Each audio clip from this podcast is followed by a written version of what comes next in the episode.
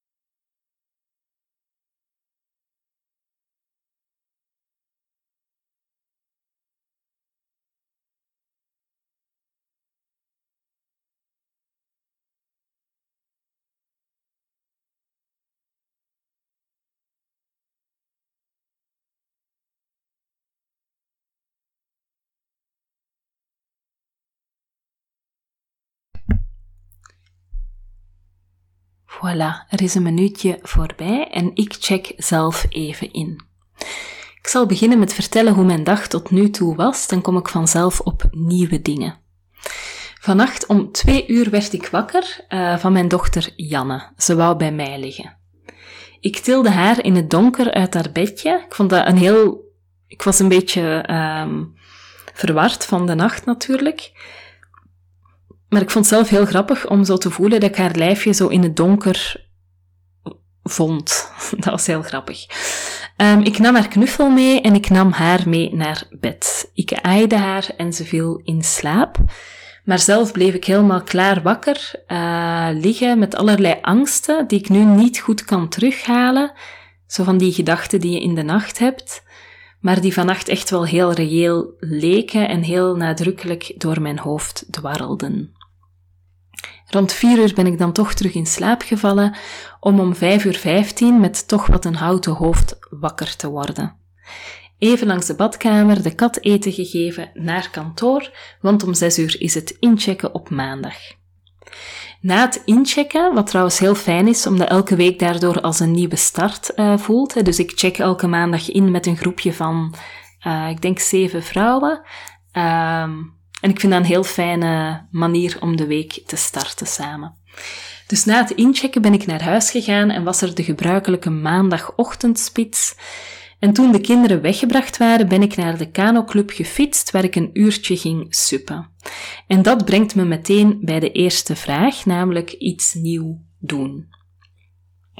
Ik heb recent voor het eerst iets nieuws gedaan, namelijk gesupt. Dat is rechtstaand op een plank in het water uh, peddelen. Ik ben lid geworden gisteren van de Kano-vereniging. Vond ik echt super grappig. Uh, want er was ook echt een clublokaal met allemaal van die zilveren en gouden bekers en zo. En vanochtend, ik had dan een sleutel gekregen vandaar, dus ik mag daar zelf naartoe. En dan kan ik daar een sup nemen en gaan uh, suppen. Mm. Vanochtend uh, opende ik daar dus de deur uh, van ja, een soort botenhuis waar allemaal sups liggen. Tilde ik een sup naar het water, dat klinkt makkelijker dan het was. Maakte ik hem vast aan mijn enkel en ging ik er op mijn knieën op zitten. Op het water dus. Iets nieuws doen is een soort van confrontatie met jezelf. Ik wist dat ik moest rechtstaan, maar ik was echt heel bang. Ik was bang om er af te vallen en ik was ook nog bang om er niet af te kunnen, eenmaal ik op het Spaarne uh, zou zijn. Um, ja, dat ik dan niet meteen naar de kant zou kunnen en niet meteen eraf zou kunnen. Dus ik vond het zelf ook grappig dat ik tegelijkertijd bang was om, om eraf te vallen en dat ik er niet af zou kunnen. Ik had ook allerlei gedachten over mezelf omdat ik bang was. Uh, dan denk ik, andere mensen doen dit gewoon vanzelf. Uh, andere mensen kunnen dit met een kleine workshop gewoon meteen. Uh, en ik sta hier met trillende benen op mijn sub.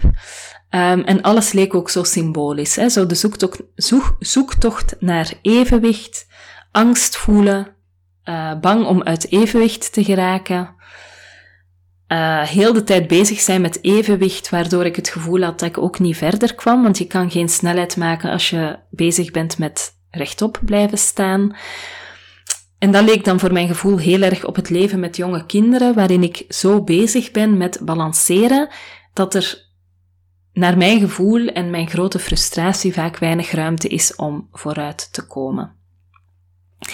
En wat ik ook echt ervaarde was dat ik echt iemand ben, ja, waarschijnlijk kunnen andere mensen veel sneller dingen, maar ik ben iemand die moet wennen. Uh, ik automatiseer niet makkelijk. Uh, ik moet dus blijven nadenken over de juiste beweging om te maken. Uh, in plaats van dat dat gewoon een beetje vanzelf gaat.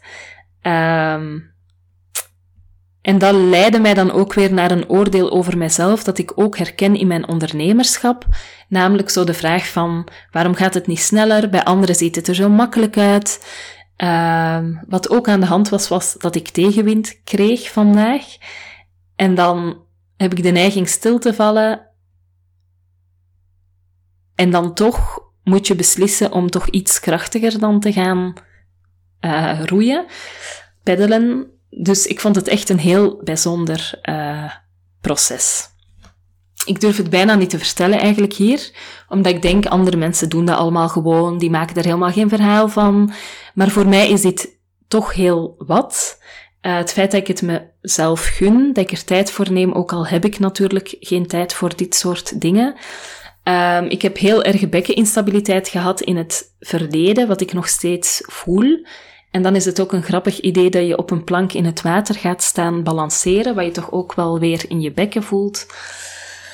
Het water opgaan, uh, het feit dat je moet focussen, heel intens moet focussen, moet volhouden enzovoort. Um, voor mij echt, ja, heel intens, zo'n ervaring van iets nieuw doen, iets dat buiten mijn comfortzone ligt. Uh, en het wordt vast vervolgd, mijn subverhaal in deze podcast. Ik vond het alleszins heel leerrijk dat iets nieuw doen buiten je comfortzone een hernieuwde confrontatie is met jezelf. Um, ja, en dat om bijvoorbeeld uh, te doen aan persoonlijke ontwikkeling, persoonlijke groei, dat het dus net heel goed kan zijn om buiten die comfortzone iets te gaan doen. Zelfs iets dat er ogenschijnlijk niks mee te maken heeft, kan leiden tot uh, ja, inzicht, bewustzijn en een verandering, uh, denk ik.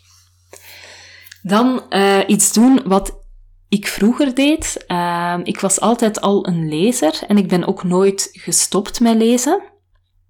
Maar ik merk dat ik het lezen de laatste tijd veel meer ruimte kan geven en dat mij dat heel veel deugd doet. Mijn dochters zijn bijna drie en misschien zijn mijn hersenen eindelijk weer wat aan het veranderen. Tijdens de zwangerschap leek het alsof er alleen maar moes in mijn hoofd zat. Heel frustrerend, want ik moest uren in bed liggen En het is, ja, ik had gewoon de concentratie niet om uh, een boek te lezen of een film te kijken. Dat was heel naar, want dat waren allemaal saaie, lege uren. Uh, toen ze geboren waren, was ik net een soort van instinctief moederwezen, dat verder ook niet veel interesses had buiten dat uh, gefocust zijn op die twee kleine wezens. Um, en langzaam veranderde dat gelukkig wel, maar het slaaptekort van jaren heeft best veel impact op mijn brein gehad. En nu ben ik weer aan het lezen en het is echt alsof ik mezelf weer terugvind. Uh, ik merk dat ik opnieuw snel kan lezen, dat ik de inhoud van wat ik lees echt kan opnemen, dat ik ervan kan genieten, uh, dat ik zelfs weer kan lezen in een omgeving waar geluiden zijn, zoals in een speeltuin of in de tuin. En op dit moment heb ik het boek Ik ben een eiland van, uh, ik denk Temsin uit. Ik weet niet hoe je het precies zegt. Um, en ik ben ook bijna klaar met het boek Onderweg van Francine Postma. En dat vind ik zeker, ik vind ze beide uh, grote aanraders, maar zeker ook het boek van Francine Postma. Uh, wat een boek is over een vrouw die zes weken weggaat om het Sint-Olafspad te lopen, um, wat een wandelroute is door Zweden en Noorwegen. Het boek houdt het midden tussen een reisverslag, een verslag van een innerlijke zoektocht, een boek met mooie beelden. Er staan heel leuke foto's in, um, heel inspirerend. Um, het is ook een boek dat ruim is vormgegeven, dus het staat niet propvol, maar er is ruimte om ook op adem te komen tussen de tekst. Um, en ik vind het ook heel leuk, bijvoorbeeld op het einde van het boek zit er een, uh, een bagagelijst. Wat je bijvoorbeeld allemaal zou moeten meenemen als je zelf zo'n tocht gaat maken. En dat vind ik heel fijn dat het zo een combinatie, het is niet één genre, het is niet een reisgids um, en het is geen pelgrimsverslag, maar het is iets uh, ja, tussen de twee. En een fotoboek en nog andere dingen. Dus echt een aanrader. Tot daar de Tiny Podcast voor vandaag. Um, je kan me volgen op Instagram, at Tiny Podcast. Je kan je abonneren via Google of Apple Podcast, in Spotify of in je favoriete podcast-app. En dan krijg je telkens de nieuwste aflevering in je overzicht en dat is dus elke weekdag. Als je de podcast doorstuurt naar iemand die er ook graag naar luistert of hem deelt op social media, dan help je me om de podcast te laten groeien. En voor nu wens ik je een heel fijne dag en heel veel goeds en heel graag tot gauw.